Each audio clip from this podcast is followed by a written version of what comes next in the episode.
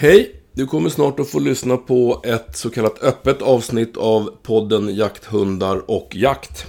Ja, som handlar om just det, jakthundar och jakt. Och den eh, görs av mig, Björn Lindevall, som är veterinär och jagar flitigt. Och jag gör den tillsammans med Peter Ekelström som är journalist, hundtränare och jagar minst lika flitigt. Podden finns på Patreon, patreon.com. Det kostar 35 kronor i månaden och lyssna på ungefär fyra avsnitt varje månad. Vill man dessutom se de filmer vi producerar så kostar det 65 kronor per månad. Det här avsnittet handlar om viltförvaltning, ett av de specialavsnitt som vi gör med jämna mellanrum där vi tar in duktigt folk kring spännande ämnen som vi själva inte känner att vi har järnkoll på. Hoppas du gillar det. Hej!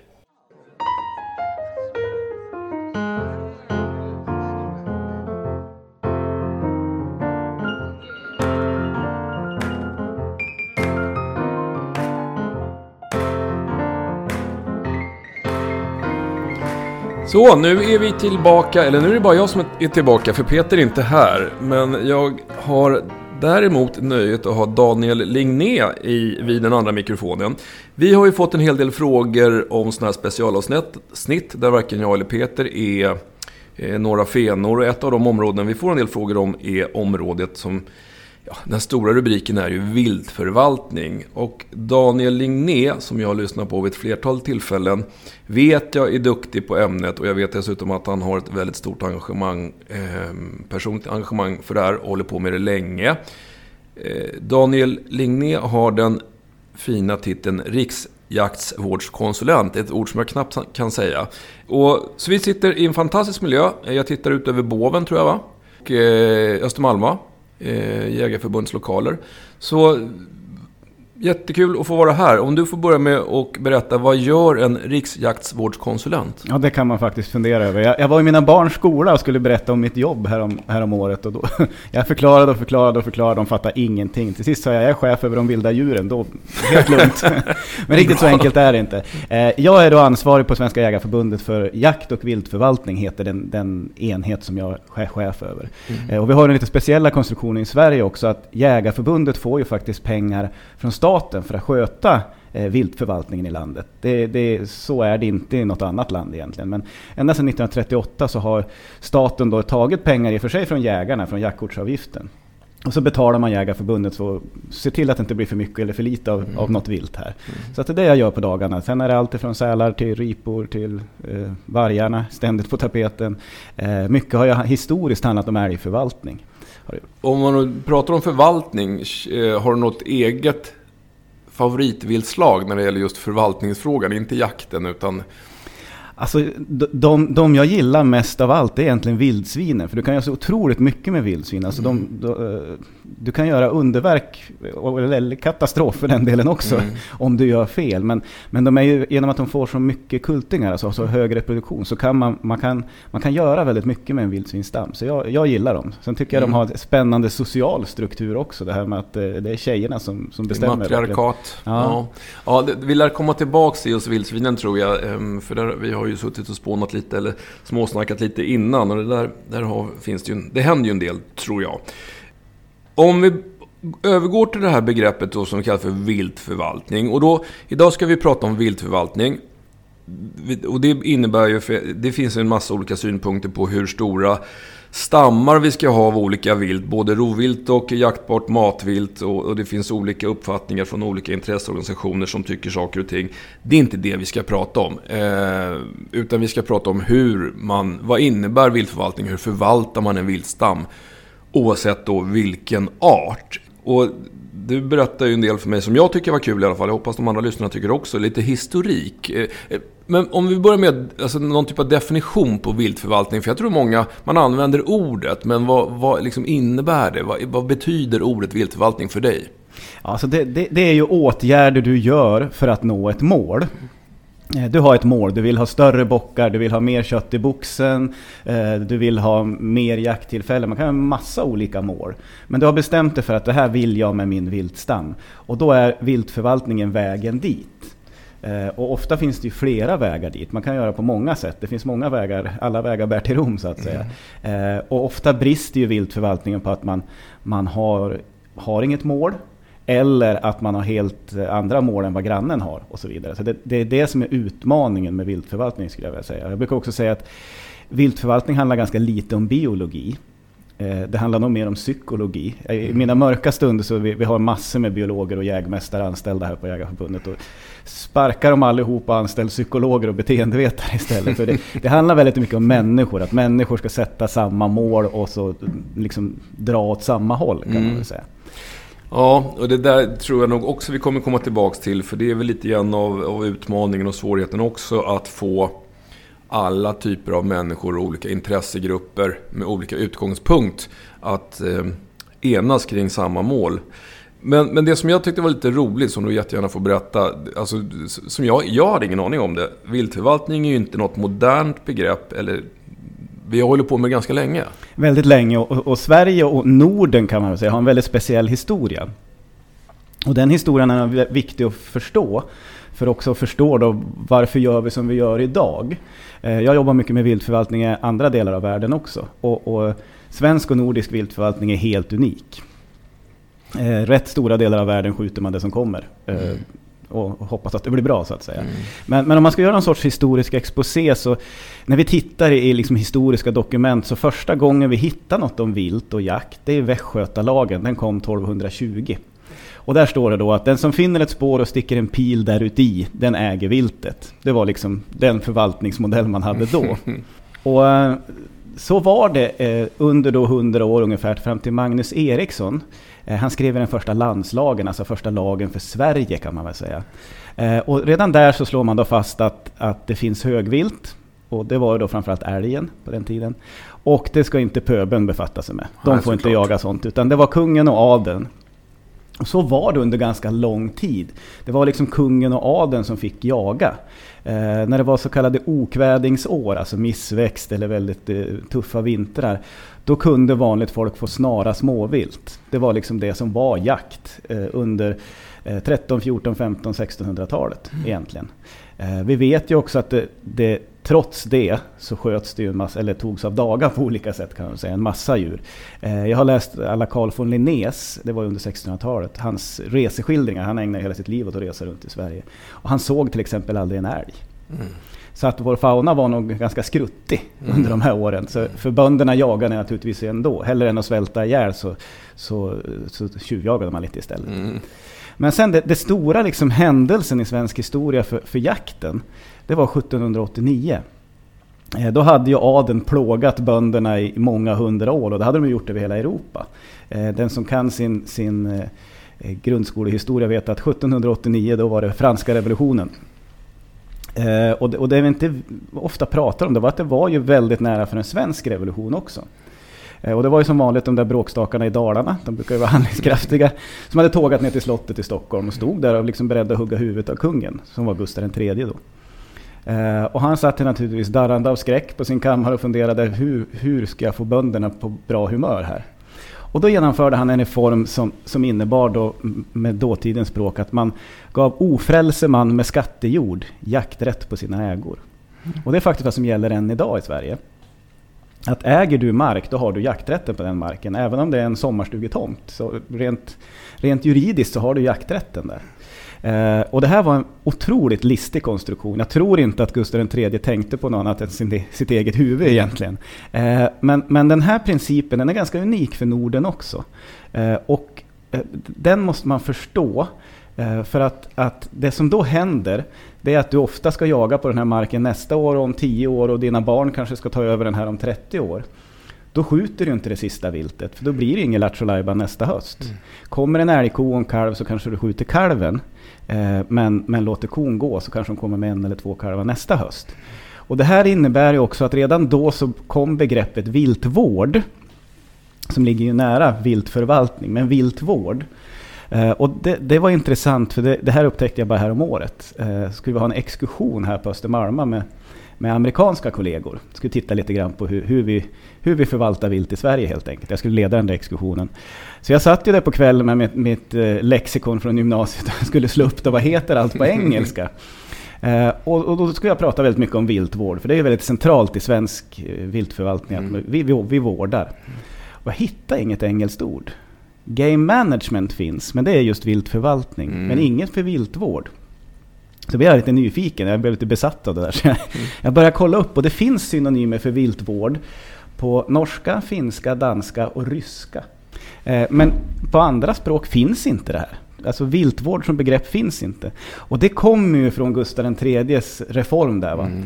För att du, du ska jaga på din mark år efter år efter år. Ja, då lönar det sig att investera i viltvård. Mm. Alltså göra en viltåker eller bygga ett viltvatten eller utfodra lite grann eller vad det nu kan vara. Och det har jag tänkt mycket på när jag har, har jobbat med viltförvaltning i USA. Den är ju lite olika i olika delstater. Men där förvaltar man ju vilt med lotterier, är rätt vanligt. Man får skriva ett brev då till delstatsregeringen och säga Hej, jag heter Daniel, jag är en vansinnigt trevlig kille. Jag skulle vilja skjuta en hjort. Och så har man ett jippo och så har man tur då så får du ett brev hem i brevlådan med Grattis Daniel, du har vunnit en hjort i ruta P27. Så får man gå in på ett rutnät över delstaten och så ser man där får jag skjuta min hjort. Kommer det hind och kalv, vad skjuter man då? Hinden naturligtvis, mer kött i boxen. Viltvård, ja anlägger jag en viltåker, det får ju den som vinner ruta P27 nästa år eh, dra nytta av så att mm. säga. Så där finns inte viltvård på det sättet mm. alls egentligen. Och det är ju just Gustav III 1789 som, som liksom byggde ett system där viltvård lönar sig. Mm. Så vi har en ganska listig princip inbyggd där. Eh, och den lever kvar än idag kan man säga. Sen, sen, fick man ju då den situationen då att bönderna gick ju hem och jagade utav bara helsike. Just det. Eh, så att man sköt ju bort i princip allt. Och det är därför Jägarförbundet är bildat en gång i tiden. Bildades 1830 för att det fanns inget att jaga längre. Så att de första hundra åren av Jägarförbundets historia, då, då var vi hatade av jägarna. Det är kanske vissa som inte gillar oss idag heller. Men för vi hittade bara på dumheter. Vi fredade vilt och vi tvingade folk att jaga tillsammans på större arealer. Och liksom, vi var en ren bevarande organisation kan man säga. Fram då till 1938 då vi fick det, det som då hette allmänna uppdraget. Och det, det jag talade om inledningsvis. att Jägarna betalade ett jaktkort till viltvårdsfonden och från den fonden så, så delade staten ut pengar till oss för att sköta jakten och viltvården i landet kan man säga. Och då har du varit inne på um, viltvård, eller om som jag, som i min värld då, eh, är liksom en del av viltförvaltningen. Vad, vad, har vi, vad har vi för instrument? Alltså vilka delar, vilka verktyg har vi att jobba med i viltförvaltningen? Alltså viltförvaltning är ju väldigt komplex. Eh, och, och, och, det här är vi mitt uppe i just nu. Vilt, viltförvaltning sedan 1938 har ju handlat väldigt mycket om älg. Och gör väl fortfarande idag. Alltså vårt viltförvaltningssystem med, med älgskötselområden, älgförvaltningsområden och så vidare. Älgen är liksom ryggraden i svensk viltförvaltning. Det vi är mitt uppe i nu det är ju att det kommer en massa annat och stör systemet på något mm. sätt. Vi har de stora rovdjuren som käkar upp älgar. Eh, vi har kron, dov, eh, rådjur eh, som, som konkurrerar med älgarna. Och då blir det många rattar att vrida på här helt plötsligt. Så att det, det är en väldigt intressant tid just nu där vi pratar om fler, flerartsförvaltning till exempel. Att om, man, om du liksom trycker där så putar det ut någon annanstans. Så att man måste liksom ta hänsyn till hela systemet. Och det är väl kanske inte jättebra på ännu. Eh, men vi gör väl några första stapplande steg sådär. Ja, för det där är ju... Ja, det, jag har ju jagar inte så himla mycket älg själv, men jag har ändå varit ordförande i ett älgskötselområde. Och, och, och där ser man att man pratar, går mer och mer från att prata om, om vi pratar betesskador, älgbetesskador till viltbetesskador. Mm. Eh, att, att man börjar liksom titta på det i ett bredare perspektiv. Så det, det ligger väl i linje med det du sa. Ja, återgå till, till förvaltningen då. Alltså det var vi ska vårda viltet, vi ska ha viltet på en balanserad nivå och vi ska skjuta då som vi är jägare. Eh, rätt, rätt antal vilt av rätt kön och rätt storlek och allt sånt där då. Alltså, är det några andra parametrar som ligger i begreppet viltförvaltning? Ja, alltså viltvård är ju en del eh, av, av viltförvaltningen i ja. min värld. Alltså talar vi småviltet så, så så kan vi liksom inte skjuta fram eh, ett, ett mål. Utan då handlar det snarare om att vårda fram någonting. Mm. Att göra åtgärder som gör att de mår bättre. Och då är det ofta föda, skydd och vatten vi jobbar med till exempel. Eh, en annan jätteviktig roll i viltförvaltningen är ju predatorkontrollen. Alltså för att vi ska kunna skörda lite vilt, då kanske vi får ta bort en annan predator. Mm. Rävet och rådjuret är ju ett, ett extremt sånt system, där vi vet att räven tar och, och, i vissa områden, då, alltså öppen terräng, jordbruksmark, så tar de en majoritet av rådjurskidden. Mm. Så att, eh, att skjuta en räv ger ju stor effekt på viltförvaltningen. Eh, och, och då, då, har vi sådana här komplexa system. Men, men talar man om förvaltning så, så många tänker sig då att den gör man med bössan. Mm. Eh, och, och, visst, det är en del av det hela, mm. men man kan göra väldigt, väldigt mycket mer inom viltförvaltningen.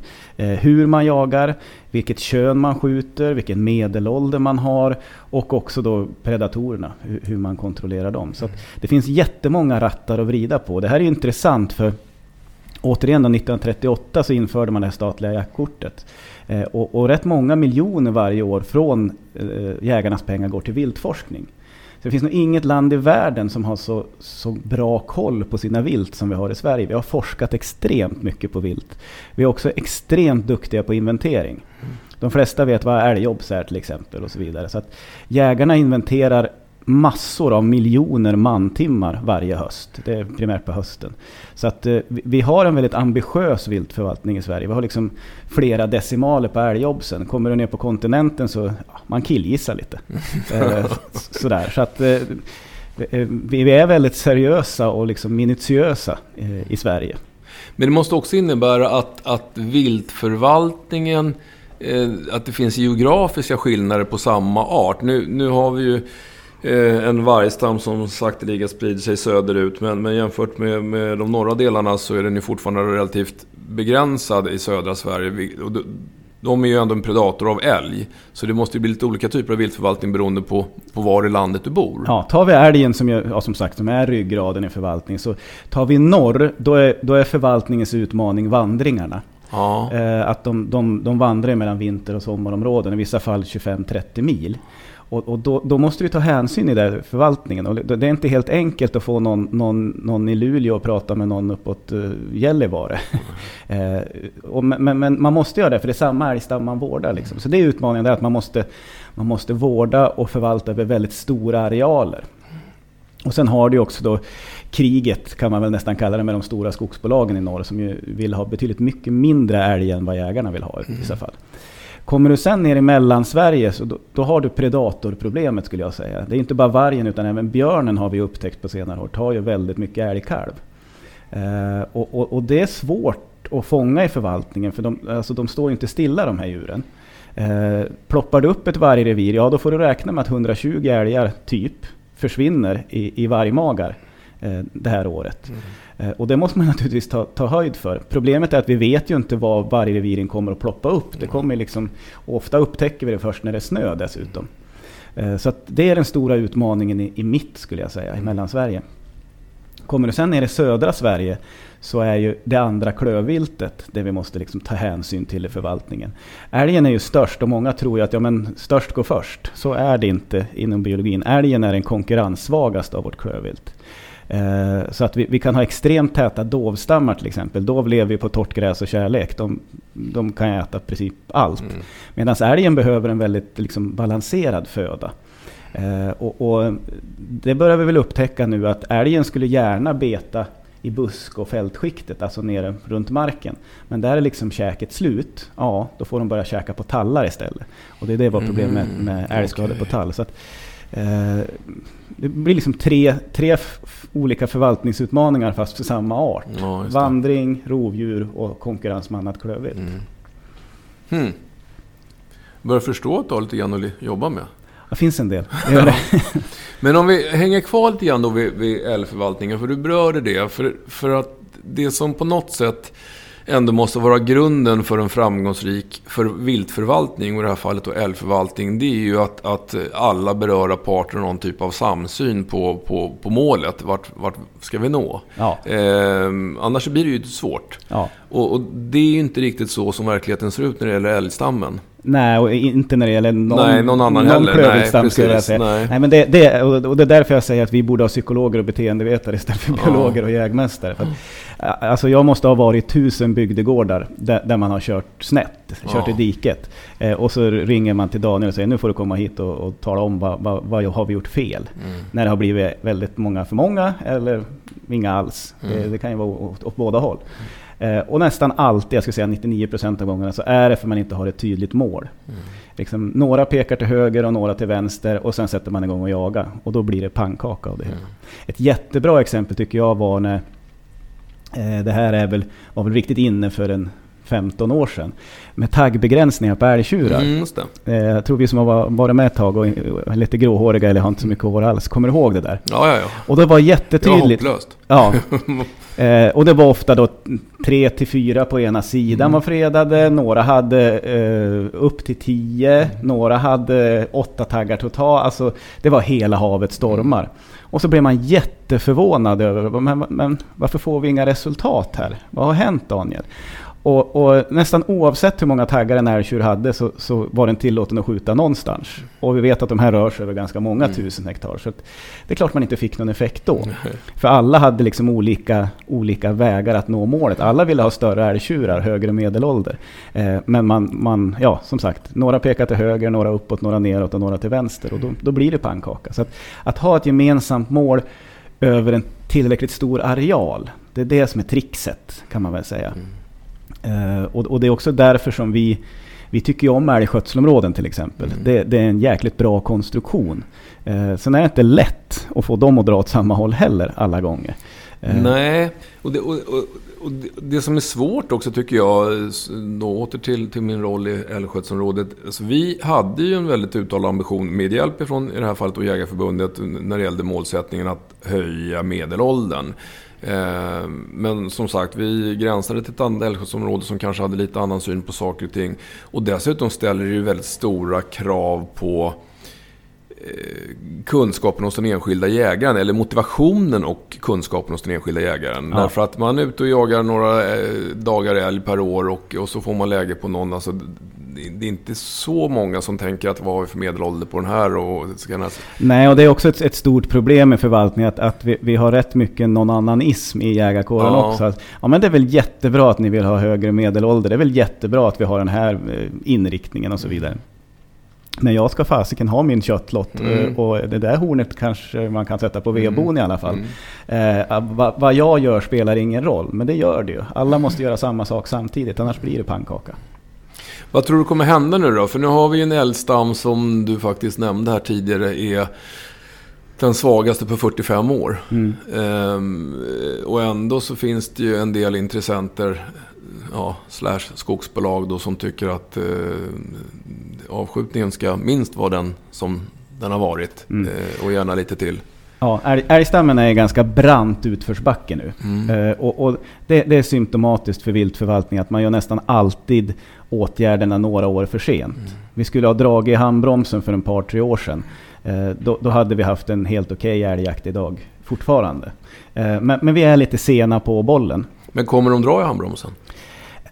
Ja, det tror jag. Vi gör ju så kallade attitydundersökningar på jägarkåren eh, med väldigt jämna mellanrum. Vad, vad tycker ni? Är det för mycket? Är det för lite? Har ni bra jakt? Eh, Och så vidare. Och det, det gjorde vi en i höstas tillsammans med SLU, Sveriges lantbruksuniversitet. Och då är det tydligt att eh, tidigare undersökningar har jägarna tyckt lagom. Det är väl ganska svenskt att tycka Mm, lagom i och mm. för sig. Men nu är jägarkåren superenig. Det, det är åt helsike för lite älg. Men det här kommer att ta tid. Man vänder, alltså, älgstammen är lite som en oljetanker. Alltså, den gör inga tvära girar. Eh, utan det kommer att ta ganska många år att bygga upp älgstammen igen. Eh, och sen har vi den här konflikten med markägarna. Eh, Mm. där, där de vill ner med betesskadorna och, eh, och vi tycker man kan acceptera lite mer skador kanske. Jag tycker ändå att man har läst oftare och oftare de sista åren att faktiskt jägarkåren tar ett eget ansvar. Mm, För ett par år sedan, jag menar då var många jaktlag som de slutade jaga efter ett par dagar för de sa att det finns inga älgar. Liksom. Och de, de få som finns, de låter vi vara. Ja. Och, och man kortar självmant av säsongen och, och eh, håller igen. Så, att, så att det, det är väl ett gott tecken. Men som sagt, sen ska man ha den andra parten med på tåget också. Så är det. Eh, Men, men eh, det jag tycker är alarmerande just nu, det är att vi får jättemycket samtal från allmänheten. Alltså folk tycker det är trevligt att se en älg Mm. eh, när man åker bil på kvällskvist. När, när jag växte upp i Hälsingland så det, det stora helgnöjet det var att åka runt på skogsbilvägarna och kolla älgar. Och så såg man en 20-30 stycken. Mm. Eh, Det gör man inte idag kan jag säga. Eh, Och, och då tycker jag det, det är liksom ett varningstecken. När till och med allmänheten säger jag har inte sett en älg på tre år Daniel, vad har hänt? Mm. Eh, Så att jag, jag tror det finns en ganska bred enighet i samhället om att det gick nog lite för långt det här. Vi, vi, vi kanske måste backa bandet. Men sen har vi ju, alltså vi har ju problem i jägarkåren också. Det är ingenting att hymla om. Vi har aldrig haft så många älghundar i det här landet som vi har idag. Jag har själv älghundar, det är klart, klart jag vill släppa dem. Mm. Klart jag vill premiera dem om vi gör ett bra jobb och skjuta älgen. Så att, att eh, det, det det finns nog delade meningar i jägarkåren också. Men då har vi den här någon-annanismen igen. Att det, vi får nog ta ett kollektivt ansvar här. För mm. det finurliga med viltförvaltning är ju att det är faktiskt du och ditt pekfinger som bestämmer. Mm. Det är du som själv som tar beslutet att trycka av. Eh, och då måste man liksom få tillräckligt många som tar ansvar och, och kanske låter bli att trycka av exakt alla gånger i alla fall. Om man nu, det här är förmodligen snudd på en omöjlig fråga, men om man nu eh, ska ge någon typ av råd kring håller oss fortfarande till älgförvaltningen. Eh, människor som jagar älg och som sitter i positioner så att de så att säga, kan påverka älgjakten i sina områden. Hur, hur, ska man tänka nu? Alltså hur, vad, hur ska man jobba för att få behålla den stam, eller gärna få en tillväxt på den lilla blygsamma stam som vi faktiskt har? Mm. Det, här, det här är några enkla principer som, som gäller egentligen allt klövvilt.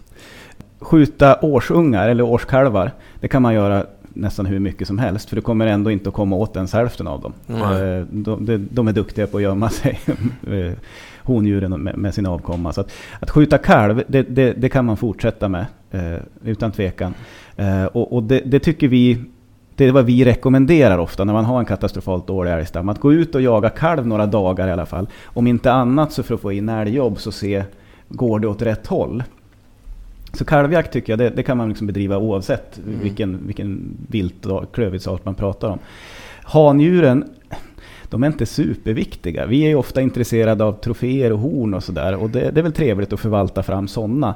Men för, för stammens eh, numerär så är, spelar de inte så stor roll. Utan det är alltid, alltid hondjuren som är det viktiga. Och, och Alltså skjuter du en, en, en älgko på topp så, så då går du miste om rätt många kalvar som, som skulle ha fötts i framtiden. Så att hondjuren är nyckeln och, och det ser vi också nu i vildsvinspopulationen som, som verkar störtdyka här. Mm. Tittar vi i avskjutningsstatistiken så har man skjutit betydligt mycket mer hondjur. Och det märks ju direkt. Det, mm. det liksom brakar iväg på, på, bara ett år så tycker jag vi har sett en dramatisk förändring i vildsvinsstammen. Mm. Och det är för att man, man var för tuff på hondjuren. Så att det, liksom hondjuren, så, korna eller suggorna eller hindarna, det är de som är motorn i, i en population. Och det är där man reglerar och gasar och bromsar. Mm. Då, då kan vi, nu kommer vi, fick en snygg övergång till vildsvinsförvaltningen då, då. För nu, nu eh, har ju du och jag pratat igenom om det innan också. Eh, vi båda är väldigt överens om att åtminstone på de breddgrader där vi håller till så har vi en dramatisk minskning i vildsvinsstammen. Jag tror vi kan konstatera att så är det. Allting, all fakta, all statistik och viltolyckor och allting tyder ju på det. Vad är din förklaring? Mörkerriktmedel tror jag spelar ganska stor roll. Sen tror jag, alltså det, det, ibland, det här kanske är lite provocerande, men, men, men det är många som säger att de förvaltar vildsvin. Och då brukar jag säga, ja, vad har ni för mål med vildsvinstammen mm. till att börja med? Så där, ja, hur förvaltar man vad är det avskjutningsplan? Inte skjuta suggan först är väl typ det enda man, mm. man liksom gör.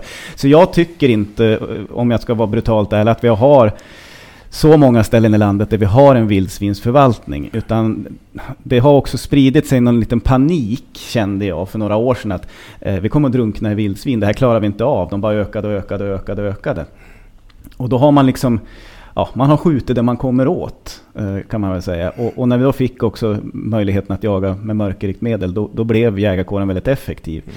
Jag som har jagat vildsvin i, i 20 år med hund ser ju också vi har ju fått fram vansinnigt mycket bättre vildsvinshundar idag till exempel. Alltså det var ju katastrof när vi började försöka jaga mm. vildsvin med hund. Det var ju en fars mm. nästan. Idag de, har vi liksom avlat fram duktiga hundar. Så mm. vi har ju på många olika sätt blivit duktigare på att förvalta vildsvin. Och till sist blir vi så duktiga så att vi faktiskt påverkar stammen. Och det var det som hände, mm. tror jag, eh, för ett år sedan. Att, att eh, man sköt lite för många hondjur återigen. Och då, då märks det fort.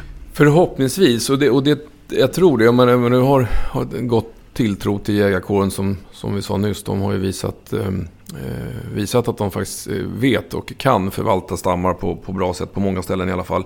Så det här, är nog en, eh, det här blir nog en, en lärdom att Alltså vildsvinen är inte någon outtömlig resurs. Man kan inte skjuta alla vildsvin man ser och tro att man ska behålla en bra stam. Så att jag hoppas och jag tror faktiskt att vi, om jag bara går till mig och de marker jag jagar på, alltså vi kommer ju att tänka till på ett annat sätt nu hur vi eh, skjuter vildsvin. Ja. Därför att vi vill ju behålla vildsvin till hundjakten. På hösten och just nu så ser det mörkt ut. Mm. Det har skjutits fel djur i för stor omfattning. Ja, Nej, men jag, jag tror alltså det, det, är väl aldrig trevligt när en stam störtdyker och det, det är det sådär en 25-30% ner på ett år när vi tittar på olika datakällor. Det är väldigt dramatisk minskning i, i en, i en viltpopulation. Är det. Eh, nu är ju kanske räddningen då att som jag sa inledningsvis, att, att vildsvinen är roliga att förvalta. För att man kan göra väldigt mycket på väldigt kort tid. Mm. Eh, eftersom de, de, har en så pass bra reproduktion. Men jag tror också det här, det här kan vara nyttigt. Dels för att få igång en förvaltning över större arealer. Man kanske måste prata med grannarna. Hur gör ni då? Hur, hur inriktar ni er avskjutning? Och, ska vi jaga dem på hösten eller ska vi jaga dem på sommaren i spannmålen? Eller hur, hur gör vi? Mm. Eh, så jag tror det kan vara nyttigt för den delen att få igång en förvaltning. Jag tror också det, det finns liksom ett signalvärde att skicka till samhället. Vi, vi följer ju media väldigt noga och liksom mediabilden har ju varit att jägarna klarar inte av det här. Nej. Vi kommer att drunkna i vildsvin, de kommer liksom att, att böka sönder städer. Eh, jag läste häromdagen att, att eh, det var attackvildsvin som jagade in i Jönköping. Jag menar, ja, vildsvinen har inget gott rykte, kan man väl sammanfatta det hela med. Men nu tycker jag vi har visat samhället att alltså det här, vi klarar det här. Mm. Inga problem. Eh, vi, vi sänkte den jättemycket på bara ett år. Eh, och det kanske skapar oss själva lite arbetsro också, mm. tror jag. Ja, för även här då när vi pratar vildsvin så, så finns det ju en, en motpol, eller åtminstone en part som har... Jag är ganska övertygad att många medlemmar av LRF tycker att vildsvinsstammen just nu börjar ta en väldigt bra utveckling. Ja. Eh, så, så, att eh, det, det, finns ju alltid en, en, en annan åsikt kring, kring hur många vildsvin vi ska ha på något sätt. Då. Men så det är bara frågan, hur, hur kommer de agera? Mm, de har väl inte samma mandat egentligen att påverka jägarkåren. Det, det är mer att de kan tycka att vi borde. Ja, så är det. det är inte som skogsbolagen när det gäller älgarna. Nej, där finns det en mer formaliserad förvaltning när det gäller älgarna. Där, ja. där ju faktiskt markägarna har liksom en utslagsröst. Ja. Eh, det är de som bestämmer om man, om man hamnar i konflikt. Mm. Det, det, systemet har vi inte när det gäller vildsvin. Och vildsvin är ju också ett problem på en lite annan skala. Det kan ju vara liksom på fastighetsnivå. Har jag bara skogsmark och tycker om att jaga, jag vill ha jättemycket vildsvin. Mm. Det är jättekul. Och grannen ska försöka odla vete, då, då, då blir det jobbigt. Eh, så det blir på väldigt liten skala kan det vara ganska stora motsättningar. Men, Men återigen, det här att, att vi visar samhället, det tycker jag jag brukar skryta så fort jag är utomlands med de svenska jägarna som är extremt plikttrogna. Mm. 80-talet hade vi en våldsam älgexplosion. Jägarna var de första som varnade och jägarna sköt ner stammen. 90-talet, eh, eh, rävskabben gjorde att rådjuren stack. Vi, vi fördubblade avskjutningen år efter år efter år, sköt nästan en halv miljon rådjur. Eh, och sen så sa liksom samhället, nej men vi vill kunna odla tulpaner i trädgårdarna också. Jägarna sköt ner stammen. Mm. Vildsvinen är väl 2010-talets exempel. Mm. Sticker, eh, samhället säger jägarna klarar inte av det här.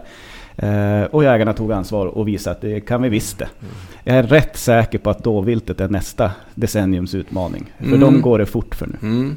Vi, vi, ska strax hoppa över dem, men bara en sista grej kring vildsvinen. Därför att där känns det också som du var inne på själv, att har man en skogsfastighet eh, så, så kan man ha gott om vildsvin i den. Och, men om grannarna har veteåker så, så kan det bli konflikter. Men det, det finns ju väldigt många goda exempel också på hur man faktiskt i bra samarbete mellan markägare och jägarkår, eh, jordbruksarrendator om det finns en sån, kan få en väl fungerande vildsvinsförvaltning med acceptabla skador och en bra jakt. Absolut, och, och, och jag brukar säga att grunden i viltförvaltning är att prata med varandra istället för om varandra. Ja. Och jag hoppas att vi börjar prata med varandra om vildsvinen nu. Det har varit väldigt mycket om varandra, alltså arga debattartiklar, arga utspel från alla möjliga håll och kanter. Mm. Eh, jägarna klagar på markägarna för att de tar betalt för skyddsjakten och eh, markägarna säger att ja, men jägarna ni klarar inte av det här och ni bara utfodrar och mm. göder dem och sen så fjantar ni runt på höstarna och tar inte död på några. Mm.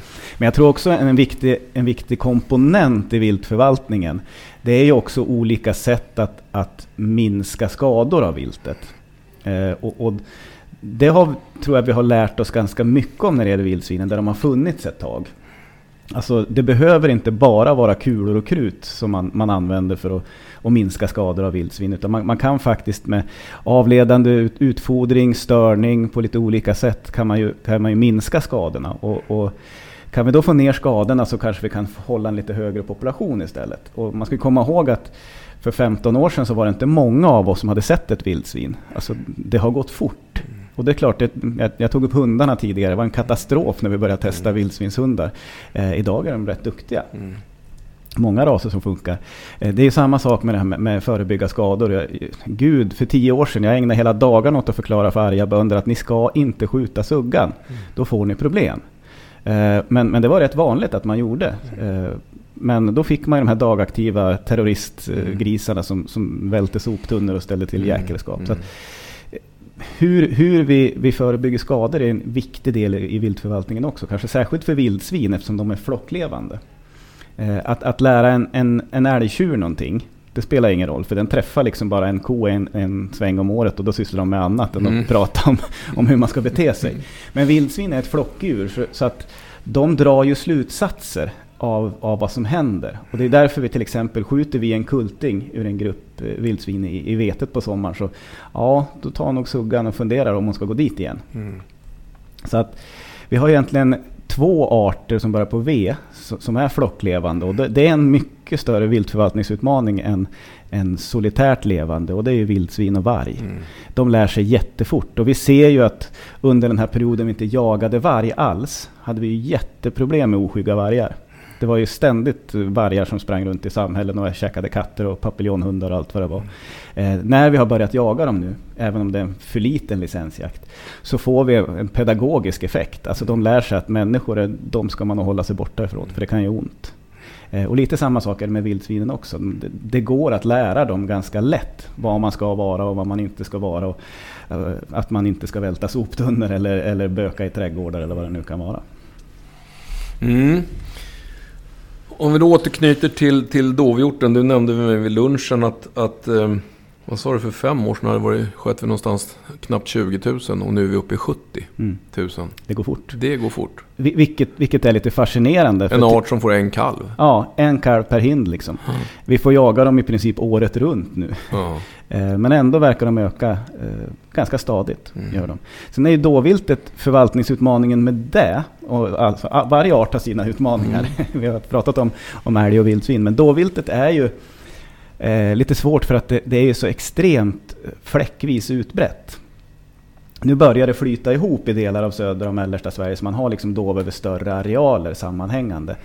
Eh, men, men eh, du kan ha en extremt tät dovpopulation på ena sidan en väg och så finns de inte på den andra.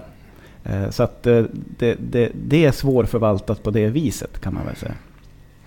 Och vad, principerna för förvaltningen är egentligen de samma. Alltså, ja, nu har vi kanske då på vissa håll eh, en stam som en del tycker är för stor. Eh, och de ställer till en del oreda, även de ute i, i fälten. Mm. Eh, och, och, då är ju naturligtvis, eh, nu får vi inte skyddsjaga hind, men, men eh, då kan man vara lite mer liberal under jakten när det gäller hindar om man vill ha ner en stam. Men annars är förvaltningsmodellen densamma. Så ska mm. du ha en bra stam så är det årskalvarna är, är, där kan man lägga stort fokus. Ja, du kan skjuta nästan hur mycket kalv du vill. För du, mm. alltså, många jägare har lite för höga tankar om sig själva om jag ska vara ärlig. Alltså man, man, man tror man skjuter den sista kalven. Mm. Och vi har, gjort, vi har gjort massor med försök, framförallt när det gäller älg med det där. Och när du tror att du har skjutit den sista kalven, då har du precis skjutit hälften av kalvarna. eh, för vi har inte så bra koll. Eh, och det är samma med dåviltet, man kan skjuta mycket kalv och det kommer fortfarande att finnas spetsar och smalhindar nästa år. Liksom. Eh, dåviltet, de, de som förvaltar dem, förvaltar ju ofta för att få stora troféer. Mm. Eh, och, och, då är ju tricket att vara väldigt försiktig med spetsar till exempel. För du kan inte se på en spets om det blir en, en bra eller dålig hjort. Eh, så att mycket handlar ju om handjursförvaltning i då populationen. Och, och, ibland kan jag tro att man har sånt fokus på handjuren och förvaltning av dem så man glömmer liksom stammen i sin helhet. Man glömmer bort att de håller på att bli väldigt många hindar och kalvar här nu. Eh, och så håller man på kiva som hur vi ska skjuta handjur. Mm. Så att där kan jag tycka att man kanske har lite, lite smalt fokus ibland. Mm. Och hur ser konkurrenssituationen ut nu? Man pratar om Mm, älg, kron, eh, ja, eh, dov då och i viss mån kanske rådjur. För, för det, det, finns ju stora arealer i Sverige där alla, alla fyra klövviltsarterna de här fyra klövviltsarterna eh, huserar tillsammans. Mm. Hur konkurrerar de med varandra? Ja, som jag sa tidigare så älgen är konkurrenssvag. Eh, är den. Men, men, om man tittar på hur mycket de käkar så, på ett dygn till exempel. Eh, så en älg äter lika mycket som två kron, fyra dov och sex rådjur. Det där är lite mm. grovt tillyxat, mm. men, men det är så. Alltså, Ska vi ta ett exempel då? Ja, men om du vill ha en extra älg i vinterstam, då kanske du måste skjuta bort sex rådjur. Mm. Eh, om inte skadorna ska öka. Och det är lite så vi måste börja tänka nu. Det som vi på fikonspråk kallar för flerartsförvaltning. Mm. Att du kan liksom inte förvalta varje art för sig. För de påverkar varandra väldigt mycket. Mm. Gör de. Eh, så att... Eh, det, det, tror jag är nästa liksom skutt, åtminstone i Syd och Mellansverige. Eh, att gå ifrån en, en ren älgförvaltning till en klövviltsförvaltning. Problemet är ju då att för att förvalta och, och, och, och, sätta mål så måste du också veta vad du har. Och det brottas vi mycket med idag. För älgen kan vi flyginventera, vi kan spillningsinventera, vi har älgobsen. Eh, men tar du då dov eh, och eh, rådjur till exempel så har vi inga bra inventeringsmetoder. Och det, har vi, det, är, det är någonting som jag själv smärtsamt fick uppleva när jag fick låna några sådana här mörkerkikare. Mm. Eh, åkte runt på mina marker och, och, räknade dov. Vi hade ju exakt dubbelt så mycket dov som jag killgissade mm. innan. Mm. Eh, och det är klart, har vi dubbelt så mycket som man tror och jag vidtar en massa åtgärder, det kommer ju att kunna slå helt fel. Så man måste veta vad man har. För att veta, alltså, du måste veta vad du har. Så måste du veta vad du vill alltså målet. Sen, eh, resan, resan från vad du har till vad du, vad du vill, den, den är ofta ganska enkel och det finns ofta flera vägar. Men som sagt, du måste veta vad du har och du måste veta målet. Annars, annars är det ingen idé att förvalta. Mm. Och fodervalet mellan de här fyra Eh, alltså vad vilka foder konkurrerar, vilket födoval konkurrerar de om och vilka är liksom mer specifika för arten? Eh.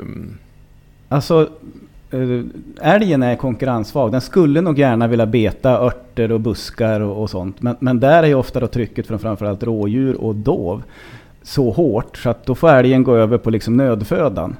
Eh, och då, då hamnar de ju uppe i träd, unga träd. Alltså, mm. de, de, behöver äta tall annars också. Mm. Men de kanske idag, det är väl en teori vi har, att de, de, får käka mer tall än vad de egentligen vill. För resten av käket är, är slut. Mm.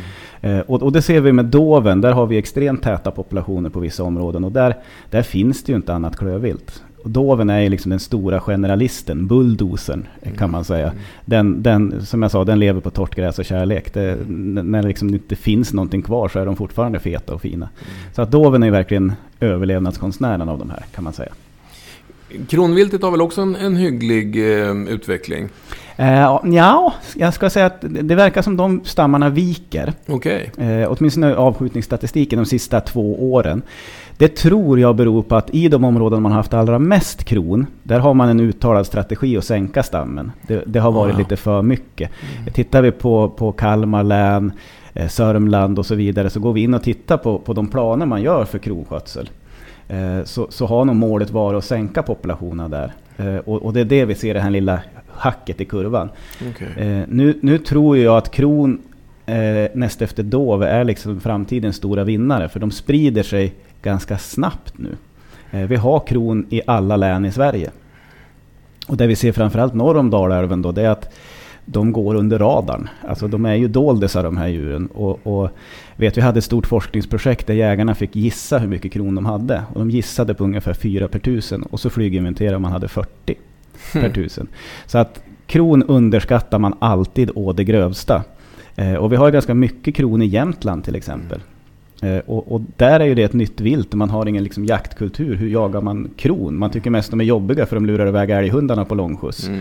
Eh, så vi har liksom ingen, ingen form, formaliserad jakt eh, hur man jagar kron där de nu börjar dyka upp. Så där kommer de att fortsätta öka under ganska lång tid tror jag. Mm.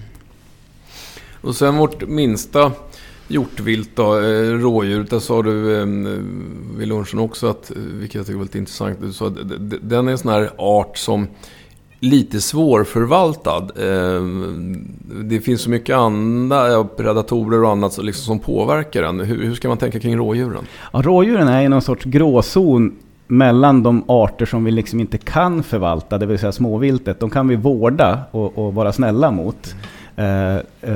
Medan klövviltet, det är med, med, med bössan och vår avskjutning väldigt mycket som styr numerären. Rådjuret är någon sorts mellanzon där. Och det finns väldigt många som är intresserade av att förvalta fram stora bockar till exempel. Mm. Det har varit en jättediskussion nu i samband med att vi, vi fick vårboxjakt här i jakttidsöversynen. Eh, men, men, problemet med att jaga fram stora råbockar eller förvalta fram stora råbockar det är ju att till att börja med så kommer ju 50% av generna från geten. Mm. Och vi vet ju inte om, om en get bär på anlag för stora fina horn. Så redan där blir det pilligt. Mm. Eh, sen i stora delar av Sverige så tar ju då trafiken mer än vad jakten gör. Ja, bilarna väljer ju inte liksom stora eller små bockar. Mm. Eh, eller bra eller dåliga gener. Och som lök på laxen så har vi då de stora rovdjuren. Eh, som i, i, många län tar också ungefär lika mycket som jägarna skjuter. Eh, så att det vill till att man har lite flyt med både predation, eh, bilar, trafik och getternas gener. Så att det, det är jättesvårt att förvalta fram eller skjuta fram stora råbockar. Det man kan göra som ger väldigt bra effekt, det är att vara väldigt försiktig med, med unga handjur och höja medelåldern helt enkelt i rådjursstammen. Eh, vi skjuter, och det är generellt sett, vi skjuter handjuren när de är väldigt unga i Sverige. Eh, tittar vi på eh, medelåldern i älgstammen i Sverige på tjurar är faktiskt under två år. Ja. Och vi vet att de har som störst och finast horn när de är uppåt 7-8. Mm. Så att det, det, enklaste man kan göra om man vill få, få större handjur och finare troféer och större horn, det är att faktiskt höja medelåldern. Mm. Det är liksom eh, ja, grundplan 1A kan man säga. Mm, vilket ställer en del krav på, på oss jägare då. då. Mm. Eh. Men, men rådjuren är också intressanta nu tycker jag. För vi ser ganska tydligt, trafikolycksstatistiken sticker. Eh, trots att det var en pandemi och vi, vi körde betydligt mindre bil. De, de vad ska jag säga, datakällor vi har när det gäller rådjur, alla pekar på att rådjursstammen går ganska brant uppåt just nu. Och det tror jag är för att, alltså det är bara att titta på registreringsstatistiken för hundar. Så vi, vi har ju dille på att skaffa oss vildsvins och älghundar. Men inte jättemånga satsar på rådjurshundar. Och där spökar de stora rovdjuren också. Alltså, eh, det är ingen slump att drevet kallas för vargvobbler. Liksom. Mm. de, de, de, de råkar ofta illa ut i vargområdet. Eh, men, men vi skulle nog behöva skjuta lite mer rådjur. De börjar bli väldigt många fläckvis. Eh, men jag är på många jakter varje höst där jag hör att nej, men vi låter bli rådjuren. Det riskerar bara att bli något eftersök och så går det bort mm. tre timmar där. Mm. Eh, så att de, de, de går fria nu på många marker. Och det, det tror jag är ett viktigt budskap till jägarkåren. För vi pratar ju om älgar och att de är konkurrenssvaga. Och där, där har vi en, ett antal studier som, som visar att att älgarna mår dåligt och inte får kalvar, det beror på att det är så hård födokonkurrens från till exempel rådjur. Mm. Och vi pratar väldigt lite om rådjursskador. Men, men indirekt en älgtugga på en tall kan vara rådjurens fel om jag säger så. Ja, att de har käkat upp en massa annat gott. Ja, och den där diskussionen har faktiskt så, så nära till hand som vi vårt eget jaktlag nu. För att där har vi, när jag tittar på statistiken de sista åren, det har varit en, en väldig förskjutning mot bockar. Alla tycker det är kul att ut på augustijakten och skjuta sina bockar. Eh, och sen resten av året, precis det du säger, det är fokus på vildsvin. Många hundar som jagar har fokus på vildsvin eller älg eller eh, doven är ett bra matvilt. Så att, så att resten av säsongen går rådjuren ganska fredade. Så vi har ju alldeles för mycket rådjur hos oss nu. Eh, för att visst, vi har skjutit många bockar, men det behövs inte så många bockar för att betäcka de getter som går runt där och strosar. Så att, Nej, precis. Så att, eh, mm. Mm.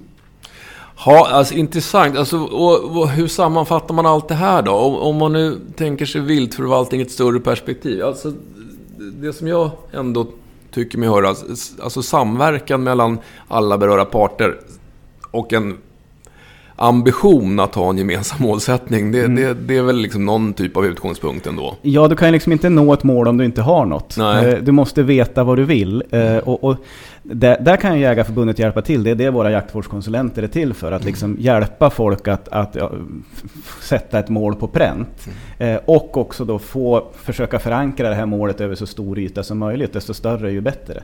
Eh, och, och, alltså, förvalta skog är ju skitenkelt. Träden står där de står i hundra år. Liksom. Det, det är jätteenkelt. Men vilt, de, de jäklarna far ju runt. Mm. Eh, och över ganska stora arealer ofta. Mm. Så att man, man, behöver liksom komma överens över, för de flesta arter, några tusen hektar. Mm. Doven är väl lite undantaget där som man kan förvalta på ganska liten yta. Mm. Men, men för de andra så, så, så, behöver man liksom snacka med rätt många andra jaktlag för att få det här att funka. Eh, men, men, och det märker vi ju jättetydligt att det behövs liksom lite kris för att få, få till det här. Mm. Eh, just nu har vi pratat mycket om nedgångarna i älg och, och, och vildsvinsstammarna. Mm. vi märker nu att nu är det ett jätteintresse för att, att försöka få ut våra jaktvårdskonsulenter, få till någon form av plan på något vis, sätta ett mål och, och som sagt det, det, det, är skitenkelt, det är lite plus och minus och, och, räkna från där man är idag till målet. Så det, det, är ing, det, är ingen raketvetenskap, man, man, gör, man, behöver liksom inte gå fem år på universitet för att förvalta vilt. Mm. Utan lära sig vad man har, inventera eh, och sen bestämma sig för ett mål på en större yta. Då, då är viltförvaltning ganska enkelt. Ja, för det, alltså det är ju så påtagligt. Du tog ju bra exempel här hur, hur vi faktiskt sköt ner älgstammen radikalt. Vi sköt ner eh, rådjursstammen radikalt och vi har nu skjutit ner vildsvinsstammen radikalt. Så att man inser ju vilken påverkan vi har. Mm. Eh, och i vissa fall så var det medvetet. I vildsvinsstammens fall så tror jag inte att det var medvetet utan det var lite överambitiöst eh, skytte helt enkelt. Och så, sen tar det ju tid. Vildsvinen kanske är lite undantaget för de har, som du har sagt, då, god reproduktion. Så de hämtar sig säkert relativt snabbt. Då, men men eh, framförallt älgstammen tar ju tid att bygga upp. Alltså, mm. Så det är ju jätteviktigt att vi gör det här rätt. Och kanske, som du också varit inne på, eh, man behöver nog bromsa lite tidigare i många fall. Ja. Men, men eh, kommer du tänka på det när du säger att ja, men nu finns det ju en en efterfrågan på jaktvårdskonsulenter. Eh, folk ringer och, och vill liksom ha hjälp med en förvaltningsplan när förvaltningen har gått åt skogen. Men hur lätt är det att komma ut som jaktvårdskonsulent till ja, ett, ett jaktlag eller ett skötselområde? Jag menar, det är tillbaka till den här samsynen. Det räcker inte med att ett skötselområde inom ett ÄFO gör på ett sätt om alla andra skötselområden inom ÄFO gör på ett annat sätt. Liksom. Mm. Nej, men... Känner ni att det finns en... Eh, stora delar av jägarkåren, tycker de likadant? Eller finns det fortfarande stora konflikter alltså in, det, inom kåren? Det, det vi upptäcker gång efter gång efter gång när vi åker ut på den här. Jag måste ha varit på 10 000 bygdegårdsmöten. Ja. Eh, där de har liksom suttit i en varsitt hörn av lokalen och stirrat argt på varandra när man kommer ja. dit. Man känner liksom iskylan i luften. Men börjar man på bena i det här på ett systematiskt sätt så tycker vi oftast inte så jäkla olika. Eh, och, och, det här, vi gör ju sådana här stora attitydundersökningar även hos markägarna. Och det ser vi ju att, att de privata markägarna, alltså vanligt folk som äger skog och, och, mark, de tycker ungefär som jägarna. Ungefär hälften av våra medlemmar i Jägarförbundet är också markägare, så det är liksom inte ens två olika personer. Mm. Eh, så ofta har man liksom piskat upp en konflikt helt i onödan mm. egentligen. Mm. Eh, och sen tror jag också det tror jag är nästa skutt i, i viltförvaltningen. Jag tjatar ju mycket om att man måste veta vad man har. Mm. Annars kan man liksom inte sträva mot ett mål, då kommer man att hamna snett. Eh, och där är ju vår förbannelse lite grann att, och det, det, är det som gör att vi har den här laggen, vi gör ofta saker för sent. Vi, vi, vi inventerar ju under jakt, älgjobsen till exempel, första älgjaktsveckan. Eh, sen ska man skicka in den till oss och vi ska analysera och så får man ut den. Eh, ja, men då är man ju ett år för sent ute. Typexemplet var när vi hade den här extremt torra sommaren. Så var ju jägarna jätteoroliga för, men har kalvarna dött nu? Ja, vi vet inte, ni får jaga en sväng så kan mm. vi säga det sen. Mm. När vi själva verket borde ha anpassat avskjutningen innan. Mm. Eh, men, men det vi har startat upp nu är ju ett projekt som heter digital viltövervakning.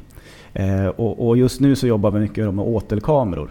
Eh, och det tror jag kan göra viltförvaltningen betydligt bättre. För då vet ju vi innan jakt, hur ser det ut? Hur många vildsvinskultingar per sugga har vi på bilderna runt om i landet i år jämfört med tidigare år? Har det varit ett bra eller ett dåligt kultingår? Och då kan vi liksom säga till jägarna, men i år kan ni jaga utav helsike. Mm. Eh, och i år kanske ni ska göra någonting annat, jaga något annat vilt eller vad det nu kan vara. Så det tror jag, att, att få bort de här svängningarna, eller göra svängningarna mindre i alla fall. Det tror jag man kan göra med just det projektet när vi liksom har fått, fått fason på det. Och det lär väl ta en par år innan vi har liksom systemet up and running. Men det tror jag väldigt mycket på, mm. gör jag. Då kan man ju, när vi ändå sitter här, slå hål på den här myten om att suggorna får tre kullar per år och att eh, folk som säger att jag såg en sugga med 15 kultingar och allt sånt där. Det, de får inte tre kullar per år. De får en kull per år i normalfallet. Möjligtvis om det blir en, att de, hela kullen går åt så kan de brunsta om. Eh, mm. och då får, men då har de ju tappat en kull för att brunsta om. Och de här suggorna som man ser med 10-15 kultingar, de är barnvakter. Mm. Jag tror att snittet någonstans, det finns en SLU-studie på det där, var det 4, någonting kultingar som eller föds, som ja. föds ja. Mm. Sen är inte alla som klarar sig. Nej. Så att en normalkull är någonstans mellan 4 och 5 kultingar och alla kanske inte klarar sig heller. Så att, så att eh, man, man, får värna om dem man har. Det är ja. rätt spännande det här med, med inventering med hjälp av kameror. Som du säger, att bara jämföra en sån sak som kullstorlekar mot mm. tidigare år. Som i sin tur speglar fodertillgång och annat också så att, så att man ja. vet om det blir bra. Jo, nej, men och just det här med vildsvinen och, och, och myten om, om eh, abnorm eh, fertilitet hos ja. dem. Alltså det är rätt kul att ha varit med på den här resan. Jag var med när vildsvinen började dyka upp. Det var precis då jag började jobba med det här. Och alltså, gud vad med, idag självklara myter. Vi har jobbat tio år för att liksom radera ut det här med, med, med de som, som sköt eh, suggorna från början till mm. exempel. Herregud, det var min huvudarbetsuppgift under flera år att säga snälla, snälla skjut inte suggan, ni kommer att få problem.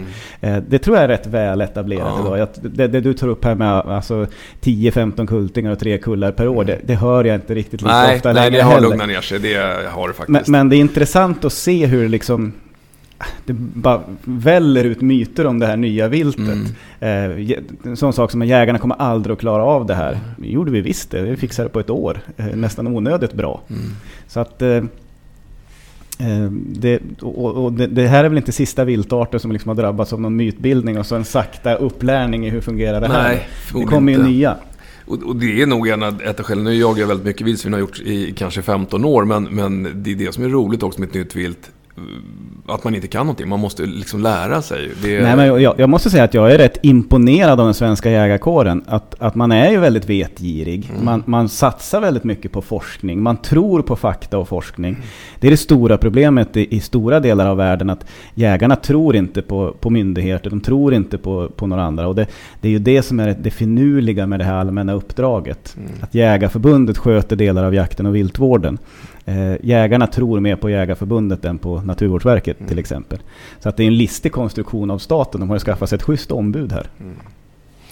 Ja, eh, och jag tänker inte överhuvudtaget ta upp eh, rovviltsförvaltningen. Dels för att det alla kastar paj på varandra och dessutom så är det faktiskt så att där har ju varken Jägarförbundet eller jägarkåren liksom det här starka mandatet eh, som, som, eh, eller påverkan som man har inom andra klövviltet. Så, det, så det, den förvaltningen styrs mer på myndighetsnivåer av annan art. Så att, mm. så att, och det, det är som sagt... Eh, Nej, men, men det finns ju också andra arter där vi står inför stora förvaltningsutmaningar. Mm. Eh, vi har ju tjatat i massor med år om att få jaga säl, licensjakt på säl. Eh, nu får vi ganska feta tilldelningar på mm. säl, men vi skjuter dem inte. Nej. Varför eh. gör vi inte det? Det här är jag lite nyfiken på. Jag har varit, jag har varit lite sugen mellan varven på att ta en sån här säl, men du får ta en, det är ju en speciell eh, utbildning va? Ja, det, om du ska få skjuta från båt ja. ja. Okay. Eh, men, men det är väldigt höga trösklar. Det är liksom inte bara att ta aktersnurran och lilla ekan och ge sig ut i havet och jaga säl. Nej, men jag har dykcert så att jag kan... Ja, men då, då är det en bra början. Nej, men det, det, alltså, det är en hög tröskel. Du, be, du behöver liksom kunna, kunna röra dig ut i den miljön där sälarna finns. Ja. Sen fick vi väldigt olyckligt för, för några år sedan nu ett förbud mot att handla med sälprodukter. Just det var ju de där juvelerna nere i Bryssel mm. som införde det. Och, och, och säljakten är en sån jakt som är väldigt beroende av specialister. Mm. Få som skjuter många sälar som vet vad de sysslar med. Och när de har liksom frysen full med sälkött eh, och, och sälskinn tapetserade över hela mm. huset, mm. då, då är inte motivationen på topp. Nej. Så att kunde man få avyttra sälskinnen framförallt, mm. då tror jag att då skulle vi skjuta betydligt mycket mer säl. Mm. Men sälen är en sån art där, där ja, idag kan jag vara lite sådär, räcker jägarkåren till? Mm. En annan sån art är bävern. Mm. Där ser vi att det är lite nyhetens behag. Där bävrarna dyker upp, ja det jagar man dem ganska intensivt under några år. Men, men sen så när man har, återigen, sina bäverskinn på, mm. på soffan eller, eller eh, har ätit sig trött på bäverkött, så ja, då går intresset ner. Så bävern är en sån art som sprider sig snabbt nu. Mm.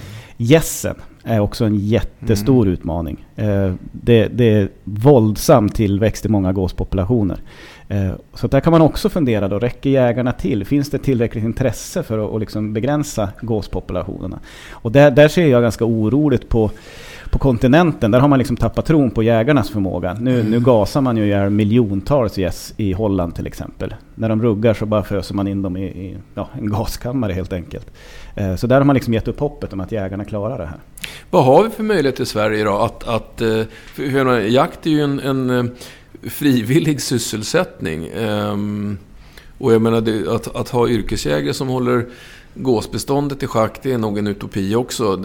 Alltså, hur, hur, kan vi, hur kan vi använda oss av den stora jägarkår som vi har i Sverige för att faktiskt ha en, en bra viltförvaltning även på de här arterna som du nämner nu? Mm. Vi, håller, vi håller på att testa nu runt om i landet lite olika förvaltningsmodeller för gås. Mm. Tricket med gässen är ju att de är också flocklevande, som vargen och vildsvinet. Så de lär ju sig jättefort. Så är du intresserad gåsjägare så kan du skjuta bra med gäss på ditt fält en eller två gånger.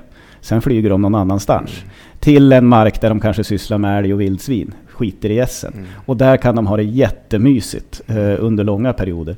Så även där är tricket att samordna sig över större arealer och så kanske man kanske kör några gåsjaktsmånar mm. eh, gemensamt till exempel. Eller att man låter då intresserade gåsjägare komma in på mina marker och, och puttra och skjuta lite på dem där också så att de kanske flyttar, flyttar till mm. ett nytt ställe.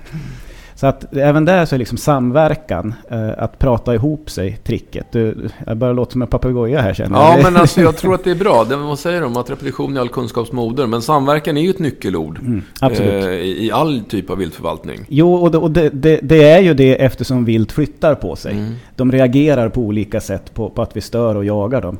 Mm. Eh, att förvalta träd, det kan du liksom göra på din tomt. Mm. Det är du som bestämmer över ditt äppelträd, för det mm. står där det står. Mm. Eh, men när det gäller vilt så delar du det här med en massa andra. Mm. Det är det som är liksom utmaningen. Mm. Ja, eh, jag hoppas att ni som lyssnar nu eh, tar till er mycket av det här som Daniel säger. Och har ni frågor, det här har inte jag frågat Daniel om. Om ni har frågor så mejla dem till jakthundar och jakt.gmail.com så vidarebefordra dem till Daniel så får vi se om han har tid att svara. För att ja, det här är ju ett, ett jätteämne och väldigt spännande. Och jag, det finns ju så mycket tydliga exempel på hur vi har skött det här bra och eh, också exempel på hur vi har skött det här med viltförvaltning mindre bra. Och, och ska vi ha en, en bra, välmående, stabil, jaktbar stam framöver så, så måste vi tänka lite och samverka. Ja, och alltså det är kul med viltförvaltning. Ja. Det låter ju som det är mycket problem här nu, men det, men det är förbannat häftigt. Det är därför jag tycker det här är det roligaste som finns, fast jag jobbar med det i 25 år snart. Mm. Men, men lyckas man sätta ett gemensamt mål, så, så alltså det här när man börjar se resultat, mm. det är häftigt. Mm. Ja. Det är coolt. Ja, och, och nej, det är som sagt ingen raketvetenskap. Det är några enkla komponenter som måste vara på plats. Men sen kommer ni att kunna se stor skillnad ganska snabbt. Mm. Och det är häftigt att liksom med naturen påverka naturen på något sätt. Ja, eh, det var väl ganska bra slutord tycker jag.